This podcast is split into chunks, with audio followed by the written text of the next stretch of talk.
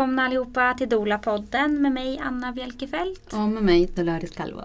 Och idag har vi också en gäst med oss, barnmorskan och forskaren professorn Ulla Waldenström. Mm, välkommen! Tack! Ehm, du har ju forskat om bland annat alternativa vårdformer inom förlossningsvården. Eh, kvinnors upplevelser av att föda, eller hur? Ja. Mm, födandets kultur, vårdmiljön och medicintekniska utvecklingen i Sverige. Mm. Wow! Mm. Och eh, du och Dolores har ju varit i kontakt innan för att vi hade tänkt spela in det för ganska länge sedan. Ja. Mm, men sen kom Corona ja. och vi försökte vara lite försiktiga. Eh, många var försiktiga och många ställde in som inte vågade komma hit. Mm. Eh, men jättevälkommen hit Ulla, verkligen kul att ha dig här. Tack så mycket, roligt att vara här. Ja, och vi ska ju prata om igångsättning och den här Svepis-studien som har fått väldigt mycket uppmärksamhet Mm. som gjordes för några år sedan. Mm. Mm. Men ska vi börja med att du berättar vem du är och vad sysslar du med? Ja, nu har jag ju fått en presentation Ja. här. Men jag är eh, professor emerita vilket betyder att jag Mm. är, är fortfarande anknuten till Karolinska institutet men jag är liksom inte i tjänst Nej. så. Utan det jag arbetar med är att jag har en blogg som Mm. ni känner till. Eh, som handlar om eh, där jag går igenom forskning inom olika saker som har med barnafödandet att göra Mm. och försöker presentera det på ett så populärt sätt som möjligt. Mm. Och så föreläser jag lite och sådär. Annars är jag pensionär. Kan inte riktigt släppa det här. Nej, jag har en fot kvar. Mm. Men har du alltid jobbat som forskare eller har varit barnmorska Ja, nej, också? först utbildade jag mig till skolpsykolog faktiskt och så skolade jag om mig till barnmorska. Mm. Och eh, sen jobbade jag som barnmorska i Falun framförallt. Mm. Och sen eh, har jag hållit på, ja sen doktorerade jag och sen startade vi ABC-kliniken. Och, eh, men jag har på, större delen av mitt yrkesliv har jag hållit på med forskning faktiskt. Mm. Och ja, det är därför du är här idag. Ja, okej, ja. Och vi får ju många frågor både till oss som doler och till podden att liksom dela mer om igångsättning och då känns det så Mm. viktigt att ha flera ingångar och eh, människor här med mycket kunskap i ämnet. Mm. Mm. Så ska vi börja med igångsättning. Ja, Mm. precis. Vill du berätta lite vad det innebär att sätta igång en förlossning? Hur det går till? Ja, igångsättning eller induktion det innebär ju att man sätter igång förlossningen innan den har startat spontant. Alltså med hjälpmedel.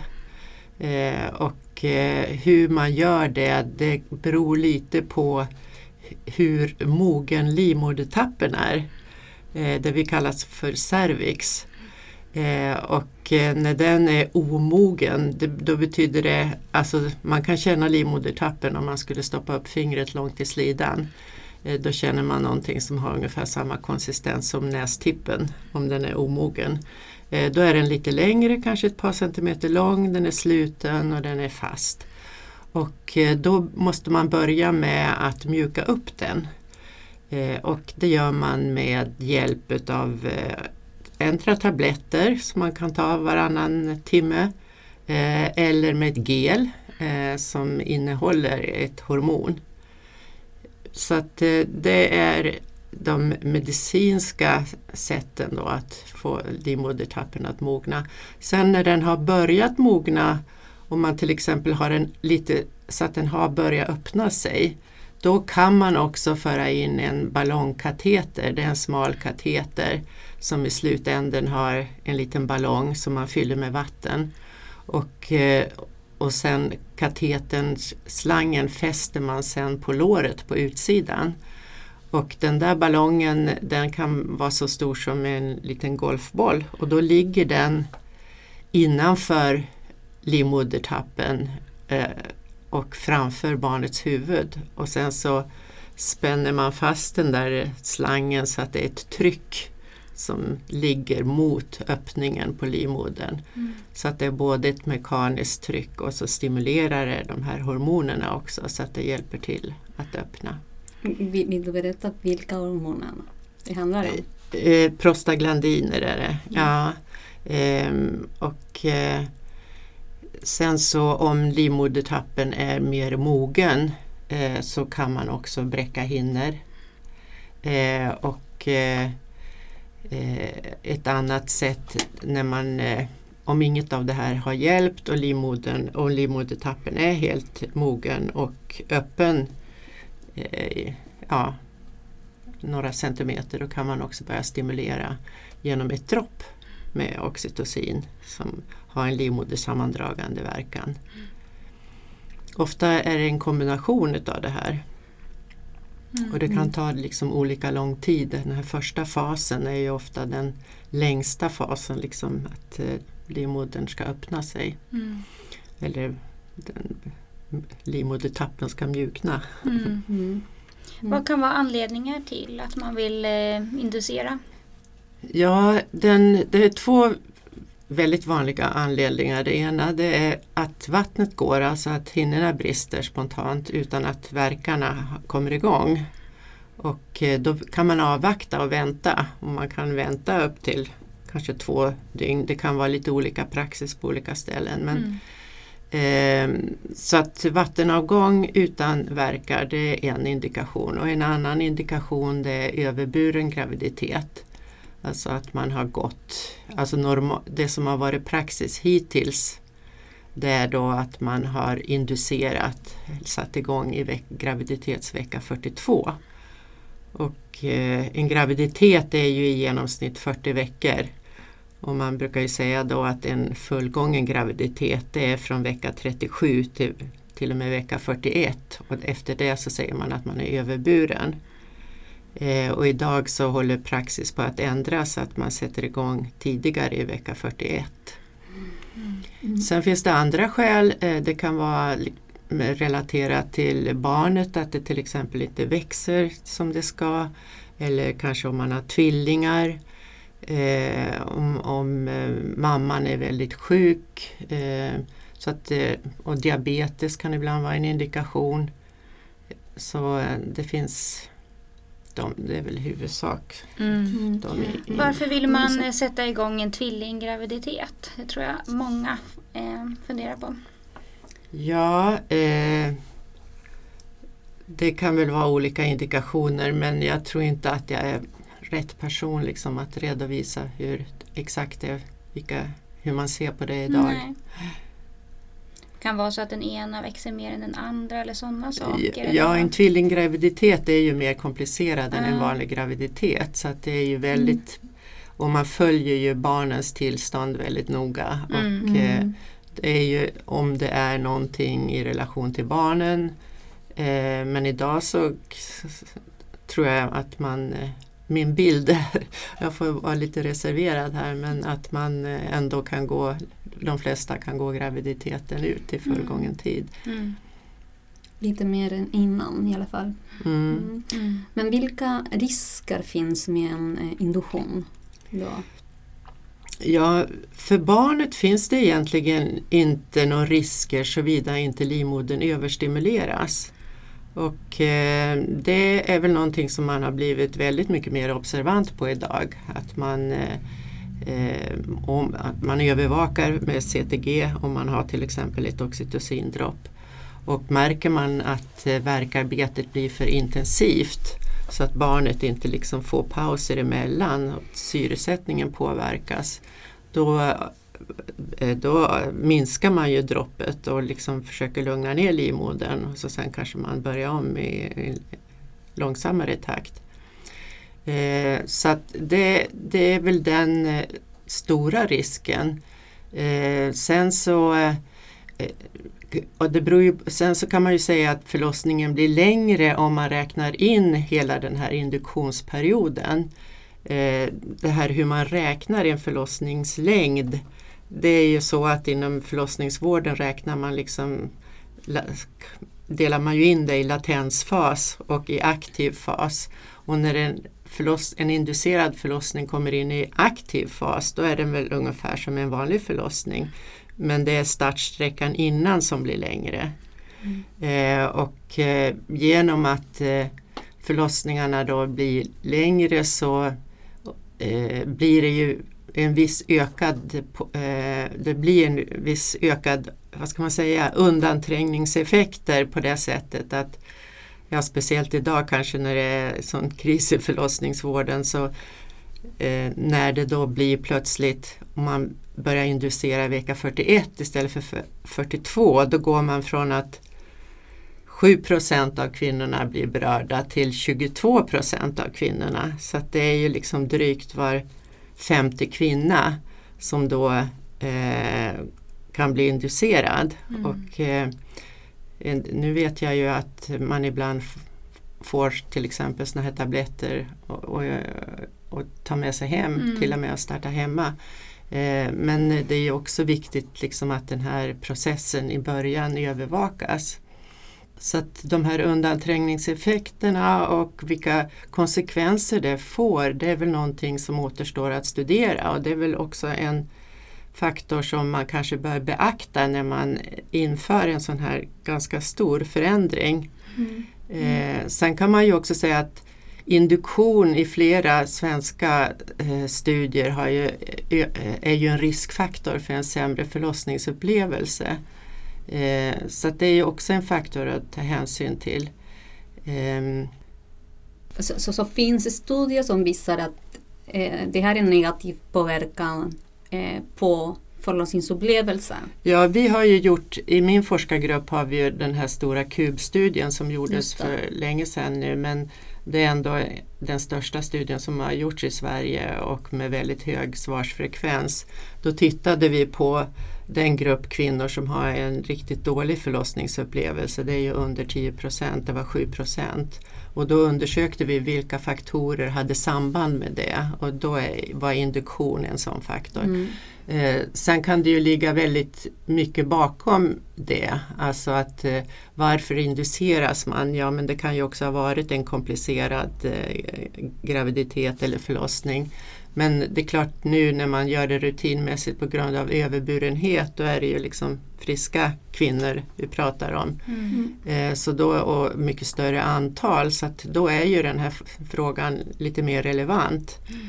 Eh, och eh, det är ju också när, man, när vi kommer in på hur man utvärderar effekterna av då att ök, eh, göra induktion tidigare så finns det ju väldigt många saker som man borde ha med i vågskålen. Mm. Mm, mm, mm precis. Men har man sett någon ökad eh, risk för eh, akut kejsarsnitt eller instrumentell förlossning? Ja, det, det, är lite olika. Det finns en sån här forskningsöversikt om induktion i Cochrane Library som är en till, ganska tillförlitlig mm. källa. Mm. Och då är det en ökad risk för sugklocka om, i, i den forskningssammanställningen om induktionen görs före vecka 41. Mm. Eh, och sen eh, finns det flera observationsstudier, inte sådana här randomiserade, där man ser att det finns ett samband med kejsarsnitt också. Men det är faktiskt en öppen fråga. Eh, det, det finns nu, det många studier som har visat att det inte ökar risken för kejsarsnitt. Men eh, jag tror att det där också är en fråga som behöver beforskas mer. Mm. Speciellt då om det är så stora delar utav den gravida populationen som kommer att beröras. Mm, mm. Um, och det här med överburenhet, alltså för det, den, den, den, um, den främsta indikationen för induktion, speciellt nu med de nya, alltså att många Ja, det är det som, ligger, som är aktuellt just nu, mm, eh, som mm. diskuteras mycket genom att man har Eh, och det kommer ju bli den största indikationen om man inducerar mm. i vecka 41. Exakt. Då kommer ju det att bli den, mm. liksom gå förbi det här med vattenavgång utan verkar. Mm. Mm. Vill du berätta lite, alltså, vad är det och varför är det risk att gå över tid? Varför skulle det vara en indikation? Ja men risken är ju, eh, det är ju för barnet för man vet liksom att från till och med från vecka 37 så ökar risken för fosterdöd och tidig neonatal död men framförallt är det fosterdöd. Om man tittar på den här perinatala dödligheten så brukar man, i den ingår dödlighet under graviditeten och till och med de fyra första veckorna. Men eh, fosterdödligheten är två tredjedelar av den siffran. Så att eh, när vi har tittat på det eh, så har vi studerat speciellt fosterdöd. Eh, och eh, då ökar det redan i vecka 38. Jag har några siffror som jag tog med mig. Mm. Eh, det är ju en väldigt låg siffra måste man ju först poängtera. Och man räknar ju då per pågående graviditet för ju längre kvinnan går desto färre graviditeter är det ju. Så mm. det, det, är liksom det relevanta måttet att se eh, en kvinna som är då i vecka 41, hur många graviditeter är det kvar då? Mm. Och, eh, då kallar man det då för dödföddhetsrisk och om man tittar på till exempel i vecka 37 så eh, är det 0,2 foster per tusen gravida mm. som dör i livmodern. Men om vi sen ökar till exempel så att vi går till vecka 39 så är det dubbelt så många men det, då blir det 0,4 per tusen. Mm. Så att det är en ökning och sen om man går vidare till exempel i vecka 40 då är det då 0,7 per tusen. Och sen om vi tar vecka 41 så är det en fördubbling, alltså 1,4 per tusen. Mm. Så att det kommer man aldrig ifrån att det är en ökad risk för barnet men den är väldigt liten. Mm. Eh, så att man, eh, man ska inte förvänta, ja, nej men eh, frågan är ju då att då kommer man till den här avvägningen mellan för och nackdelar och hur många är det då som ska induceras för att man ska rädda ett liv. Eh, och det är så som frågan står i väldigt mm. många sådana här screeningåtgärder. Eh, mm. Att man får väga de faktorerna mot varandra. Mm. Och eh, vi har ju eh, räknat på det där på ett mer aktuellt material men det publiceras ganska snart men det är inte publicerat så jag kan inte riktigt redogöra för det här.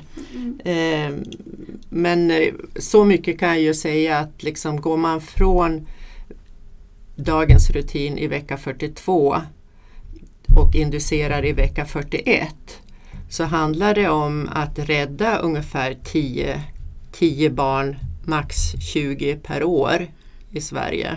Mm, mm. Så det, det, och, och för man får liksom också tänka sig att eh, utav de här som ligger i livmodern då i vecka 41 så är det ju en del som man får räkna bort på grund av missbildningar och annat som inte kan räddas med den här metoden.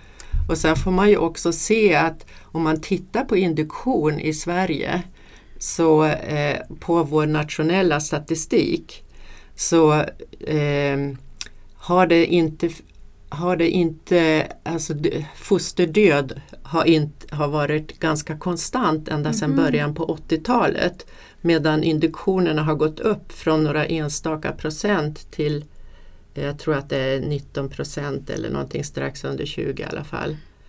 Så att effekten utav induktion behöver studeras noggrannare. Mm. Det är liksom mm. det budskap som jag mm. tycker är relevant. Mm. Ja. Men en, en sak, det du berättat om, varför ökar den risken för barnet? Ja det, det, ja, det kan ju vara att moderkakan inte fungerar li, lika optimalt. Eh, och exakt vet man kanske inte riktigt.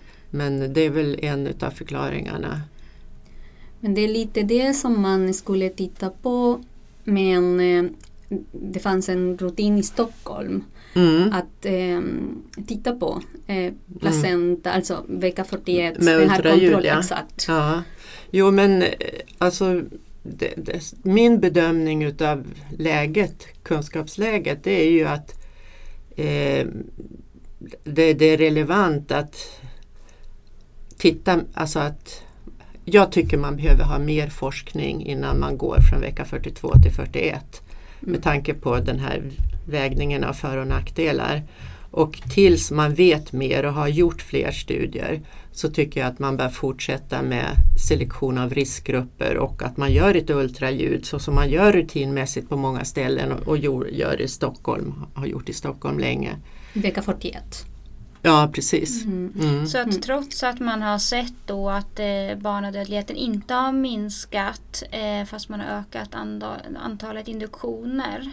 Alltså, så att det är liksom Ja, det är ju liksom i hela populationen. Ja. Va? Det inkluderar ju då eh, alla induktioner. Mm, Eh, inte bara för överburenhet men Mm. eh, det är ju ändå liksom ett observandum. Hur kommer det sig att induktionerna har gått upp kontinuerligt sedan början på 80-talet och eh, eh, andelen fosterdöda har legat ganska mm, stabilt, Mm. Oförändrat. mm, det är superintressant.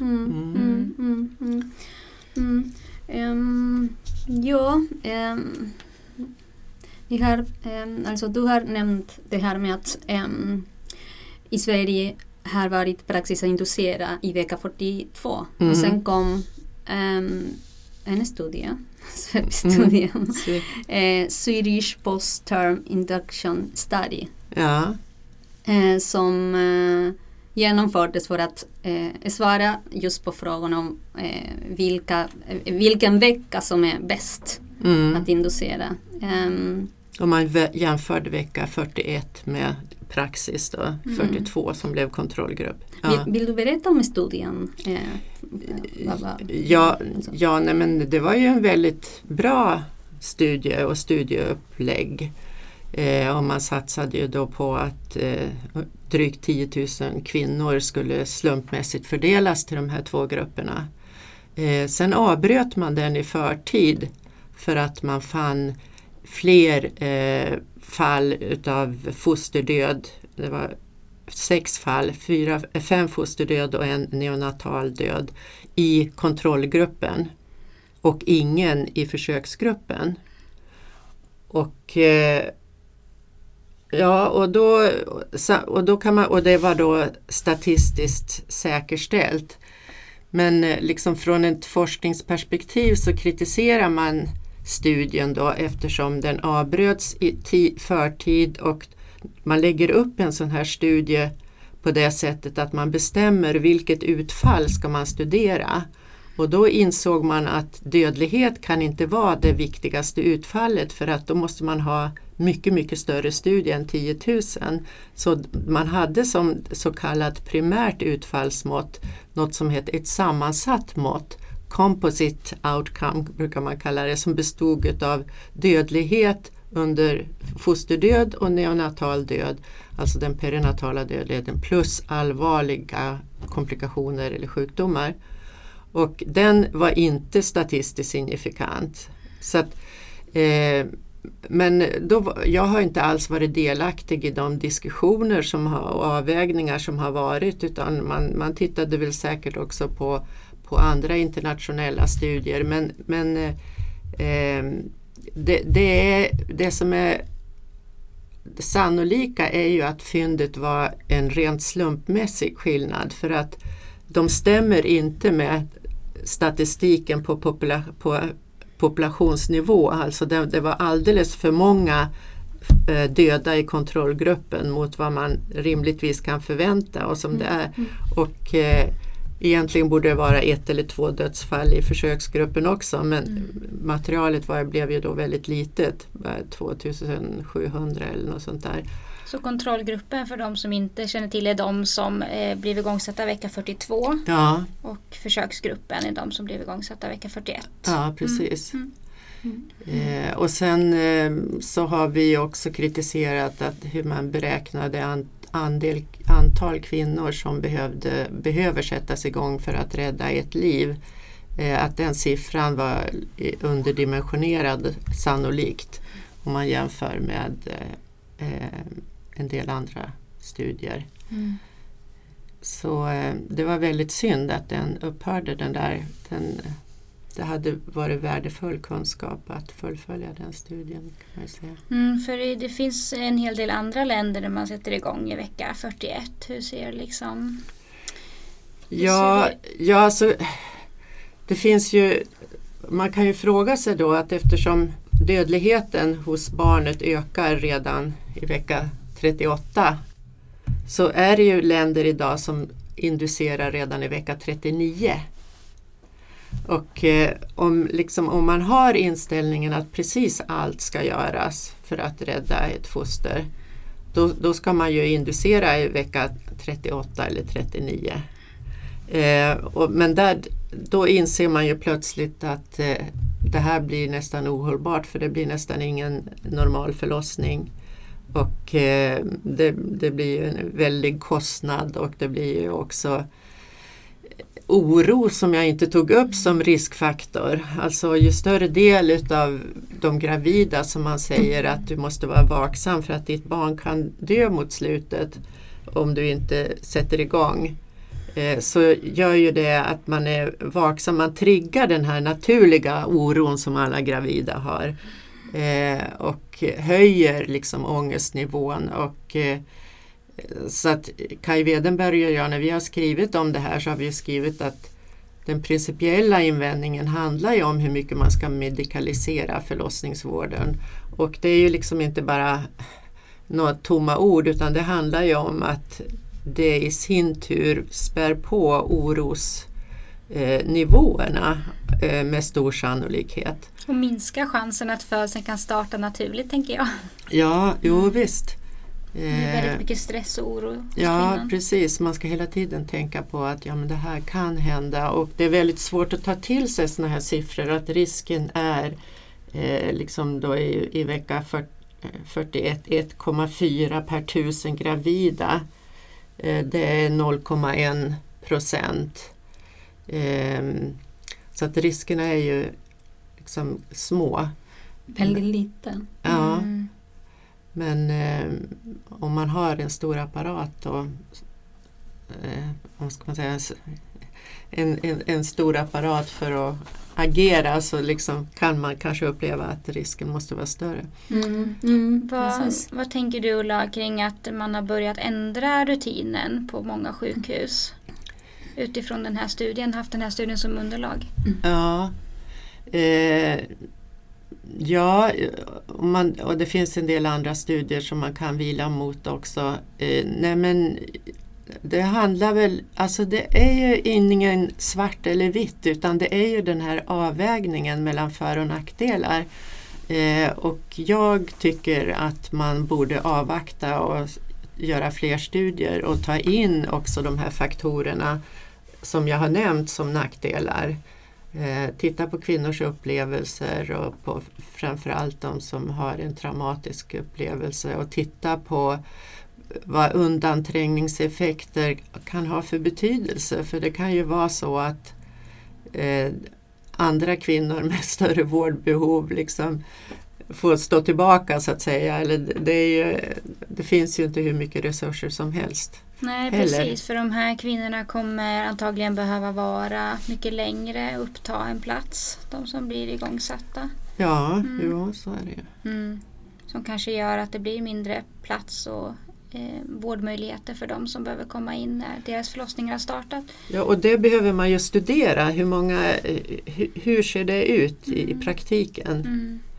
Eh, jag tror ju nu att eh, man gör lite olika för att eh, det som inte gjordes i Svepist är att man ehm, eh, presentationen av första omföderskor för sig för att det är en väldigt stor skillnad. Risken är mycket, min mycket mindre hos en omföderska. Eh, så att eh, den här igångsättningen i vecka 41 bland omföderskor, den kan man ju sätta ett stort frågetecken kring tycker mm. jag. Det mm. som känns problematiskt också det är att eh, studien har läckt ut på ett sådant sätt som har gjort att väldigt många gravida eh, kräver eller har stark önskan om att bli igångsatta mm. nästan direkt efter att de har gått förbi sitt beräknade datum. Mm. Det känns väldigt problematiskt. Ja, och det, det är ju så här, det är lite problematiskt med kunskap. hur, eh, och speciellt då eh, i, i den fasen av livet där man dessutom har en viss oro. Mm. Och eh, det kan vi ju se med fosterdiagnostik. Alltså att erbjuds kvinnan fosterdiagnostik så är det väldigt svårt att säga nej. För att det kommer in väldigt många psykologiska vad ska man säga, faktorer. Mm. Om, om det då skulle visa sig att barnet är sjukt och sen har jag inte gjort precis allt. Mm. Eh, hur, hur blir det? Kan jag stå för det? Så då kommer man till det här att det, det bästa är att göra så mycket som möjligt och tacka ja till allting. Mm. Eh, och sen blir det där en spiral liksom, eh, som man kallar det för defensive medicine. På, Mm. Det präglar ju hela den moderna sjukvården förstås men Mm. det är ju också ja, det, det behövs liksom motkrafter ändå så att man lyfter att det finns olika sätt att väga de här för och nackdelarna Mm. och eh, att de, den rösten också hörs. Det är lite så jag själv känner att varför jag agerar då. Att jag, Mm. Mm. eh, Det blir väldigt mycket ansvar på den gravida också. Ja, och det, det, det måste vara väldigt svårt att tränga in i alla de här eh, specifika avvägningarna. Att man ska behöva bekymra sig så mycket. Jag brukar tänka själv, jag fick ju barn på 70-talet, att jag är så glad att det, att det inte fanns tillgång till all den här informationen. Att man faktiskt bara fick vara gravid och Mm. gå på sina mödravårdskontroller och sen åka in och föda barn. Mm. Nej, Mm. men det är, alltså, det är ju bra med kunskap. Men när man, ehm, när man tittar på en sån studie som, som avbryts i, i, i, i, i förtid. För Mm. att det, um, alltså kan, kan man verkligen generalisera utifrån en sån studie? Nej det, nej, det kan man ju inte. Den har ju inte något bevisvärde på det sättet. Om man liksom, det är ju generellt så när man tittar på evidens, vilket det är ju det jag håller på med på min blogg, att det är ju även om den här hade varit eh, liksom fullföljts så är det ju inte säkert att en enda studie räcker.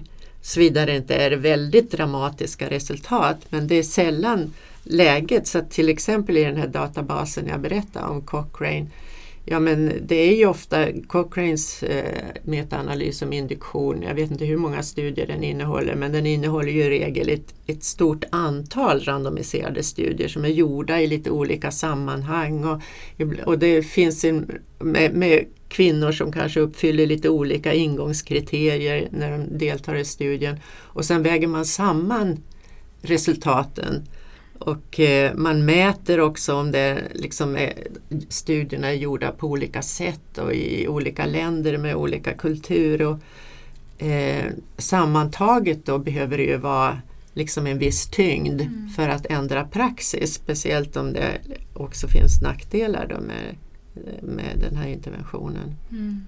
Och, och var, varför tycker du att den här studien har lyckats med att ändra praxis Jo, på men så, så, många sätt? ja men så är förlossningsvården. Förlossningsvården är ju liksom en väldigt ångestfylld verksamhet. Mm. För den handlar ju om, om liksom, li- i slutändan eh, tillspetsat så är det ju en risk. Det handlar ju lite om liv och död. Och, eh, eh, och, och, och det får inte hända någonting. Alltså vi har ju en, vi- har ju en nollvision som i praktiken är omöjlig att uppnå. Eh, och, eh, ja, och alla vill ha ryggen fri och det, man blir inte fälld vare sig som barnmorska eller läkare om man har gjort för mycket. Men däremot om man har gjort för lite. Mm. Eh, så att eh, det, det är liksom förståeligt att eh, personalen försöker gardera sig hela tiden. Mm. Men som kvinna då om man vill föda så naturligt som möjligt så har man ju, får man ju liksom stångas lite i den här kulturen. För att eh, det, den är ju väldigt medikaliserad. Mm. Det känns som att det är en sak att eh, personalen ehm, agerar kanske rädslostyrt men det känns ju som en annan och lite större sak att även de som ehm, är liksom chefsbarnmorskor, överläkare, de här olika som är med och bestämmer vilka liksom, vad är det som ska gälla på enskild klinik. Att det Mm. känns för mig lite skrämmande att, att man ska basera eh, beslut på, på forskningsresultat som inte är riktigt tillförlitliga. Eller? Mm. De har ju, alltså det, det, är ju seriösa människor som, som har gjort de här avvägningarna också. Och mm. de har ju, det finns ju andra studier också men, men inte, inte tillräckligt enligt min uppfattning. För att det här är ju en glidande skala. Alltså det är ju det här att en del kliniker utomlands inducerar i vecka 39. Mm. Alltså varför ska man inte inducera vecka 39 om det handlar om att ett, det gäller att totalt maximera det utfallet, nämligen mm. det får inte Alltså ändå om man ser hur många barn som dör i livmodern, det är ju de flesta dör ju i tidig graviditet men, men det är ju en siffra som är, kommer jag inte ihåg, 370-380 per år i Sverige som dör inne i livmodern. Eh, och eh, då kan man rädda 10 utav dem, mm. 10 eller 15 kanske. Mm. Men det finns, eh, alltså varför inducerar inte i vecka 39 då? Ja, nej, men om man ska vara logisk, mm. alltså om man ska vara konsekvent. Och då, det, det bara mm. illustrerar dilemmat. Mm. Va? Förlossningsvården mm. har hela tiden det här dilemmat att väga. För att det är ju också så att en gravid kvinna och hennes partner vill ju framförallt få ett friskt barn och att själv klara av förlossningen hel och frisk och pigg. Så att när man frågar vad målet med förlossningsvården så kan man ju säga att eh, vårdens mål stämmer med kvinnans. Att vi vill ha en frisk mor, ett friskt barn, det är det viktigaste. Mm, mm. Eh, och så sen så har vi ju som tillägg att med minsta möjliga ingrepp i, i det naturliga förloppet och till så låg kostnad som möjligt. mm. Som dola fnissar man lite när man hör det eftersom vi ser så väldigt mycket medikalisering. Eh, ja. Verkligen. Eller framförallt möter de som har haft en väldigt medikaliserad födsel första gånngen de födde. Mm, mm. Och sen kanske önskar en annan typ av upplevelse. Ja, ja och ofta, ofta, så glömmer de ju en sak då också att den första förlossningen är jobbigare, mm. jobbigast och mer, och mer komplikationer. Mm. Och, och så sen andra förlossningen det är den optimala. Mm. Eh, om, även om man får ännu fler barn så är mm. nummer två den optimala förlossningen. Mm. mm. Eh, för att naturen är ordnad så. Men eh, visst, därför så är det så viktigt hur den första förlossningen blir också. Mm. mm. För vi har, ju gjort, vi har ju gjort en väldigt snygg studie där vi tittade på kvinnors förstföderskors förlossningsupplevelse vi hade 600 och så sen så länkade vi det till medicinska födelseregistret efter tio år och tittade på hur förlossningsupplevelsen, vilket samband har den med, med den framtida reproduktionen. Mm. Och eh, då visade det ju sig att kvinnorna då som hade, hade en sjugradig skala, de som låg väldigt lågt, alltså hade ett eller två som negativ och mycket negativ förlossningsupplevelse. Det var ju en mycket större andel av de som inte hade fått ett andra barn under mm. de här mm. tio åren. Och de som hade fått de hade tagit mycket längre tid till sitt andra barn än de som hade en positiv upplevelse. Så att vi har verkligen eh, på, ett, på ett, enligt min upp, egen uppfattning, elegant sätt visat att ett sånt mjukt data som kvinnans upplevelse av förlossningen, mjukt i forskningssammanhang, mm. mm. kan ha så stor betydelse att det påverkar liv, icke-liv. Mm. Mm. Så att, eh, och varför, alltså så här. Um, varför förlossningsvården inte ta den här som en, um, ett viktigt mål också? Kvinnans mm. upplevelse. Mm. Jo det är, ju, det är ju ett mål men det kommer ju under det här med, med frisk barn, frisk mor. Mm. Eh, och det är ju rimligt. Men det är ju också det dilemmat då. Eh, men alltså det hur gör man då för att komma åt den här problematiken att eh, det är kanske alltför ängsliga beslutsfattare. Eh, att eh, Ja, det, det, är inte så mycket och, Men det är generationsskillnad om man ser Det här är väldigt personligt, det är ingen evidens utan det är min Eh, men jag råkar ha varit gift med två gynekologer. Okej. eh, en, en man som, nu, han, min första, andra man, han är avliden. Men han var äldre än jag. Men hans, det sätt som gynekologer arbetade förut, då var det ju väldigt mycket mer kliniskt. Att de var de hade liksom i händerna för de arbetstider och allting var sånt att de liksom nästan bodde på förlossningsavdelningarna. Och, eh, eh, och idag så är det ju, jag tror att dagens gynekologer är mycket mer ängsliga. För att det är inte bara de männen jag känner utan jag har jobbat ihop med liksom lite äldre gynekologer som har liksom en annan trygghet i att i alla fall en unga nya att eh, i trygghet i sin kliniska kompetens. Liksom. Mm. Det är inte bara att titta på remser, CTG-remser och labbprover och Mm. pH-värden och så vidare utan eh, också eh, att ha sett väldigt många förlossningar och sett väldigt många naturliga förlossningar. Mm. Men det tror jag många barnmorskor känner igen också fast i sin, sin kontext. Att, att man inte kanske har möjlighet att eh, bidra jättemycket till den här positiva upplevelsen för att det har blivit mer och mer medicinskt ansvar även för barnmorskorna att titta på kurvor och göra undersökningar och riskbedömningar.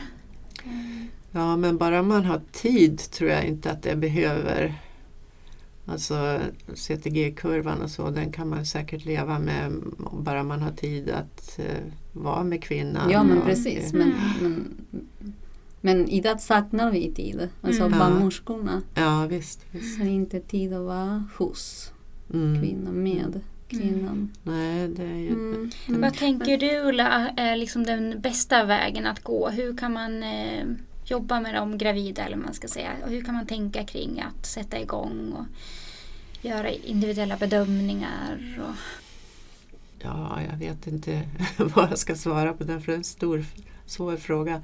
Mm. Nej men eh, under mödravården där så är ju de- den relationen till kvinnan och hennes partner är väl väldigt viktig. Och grupperna och det arbete ni gör och så vidare. Att peppa kvinnor att, man, att de kan föda. Eh, att få bygga upp självförtroende i tilliten till den egna kroppen, att den är så fantastisk. Eh, och eh, ja, lita på sig själva så Mm. mycket som möjligt och ha stöd och Mm. Mm. uppmuntran. Mm. För det är någonting som jag pratar mycket med dem jag möter att eh, man har ju möjlighet att be om ett extra ultraljud och man har möjlighet att be om en second opinion och eh, tacka nej till igångsättning och man har liksom vilka rättigheter man som gravid faktiskt har. Eh, Ja, Och att mm. man kan alltid så vänta en dag till och komma på ny undersökning och sådär. Men man kan ju Mm. uppfattas som väldigt, väldigt besvärlig om man vill göra det på sitt eget Mm. sätt. Mm, jag tänker på det här, det är ultraljud i vecka 41. För det, mm, alltså det i regionen Stockholm är ju en, eh, eh, en rutin om man misstänker att det kan vara något eh, fel. Så tror du att det kan, alltså kan det vara en en, en bra väg att gå. Ja, ja, men det skadar ju absolut inte genom att man vet att det är en ökad risk. Så då Mm. kan man ju undersöka liksom flödet i navelsträngen Exakt. och moderkakan och så vidare. Men ni får komma ihåg nu att jag är lite, jag är inte, ni får intervjua någon annan som är liksom, står med båda fötterna i myllan. För jag är Mm. lite på avstånd nu och Mm. eh, jag vill inte prata så mycket i detalj om sånt som jag kanske inte Mm. säger. Jag kanske inte har hängt med helt enkelt. Nej, nej men mm, Är det något annat som du skulle vilja säga om det här med igångsättning eller svepis-studien? Nej, jag tycker att vi har varit väldigt, väldigt eh, gått igenom det viktigaste. Mm. Du har ju också skrivit på din blogg den här Mm, bevisad mm. nytta för er som Mm. inte känner till den. Precis. Mm. mm, om studien. Reflektioner kring svepis om Mm. induktion i graviditetsvecka 41. Där står ganska mycket av det jag har Mm. pratat om nu. Precis. Mm. Jättebra att läsa och ta till sig och, och titta på de här sakerna från flera håll och inte kanske dras med i, i rädslan.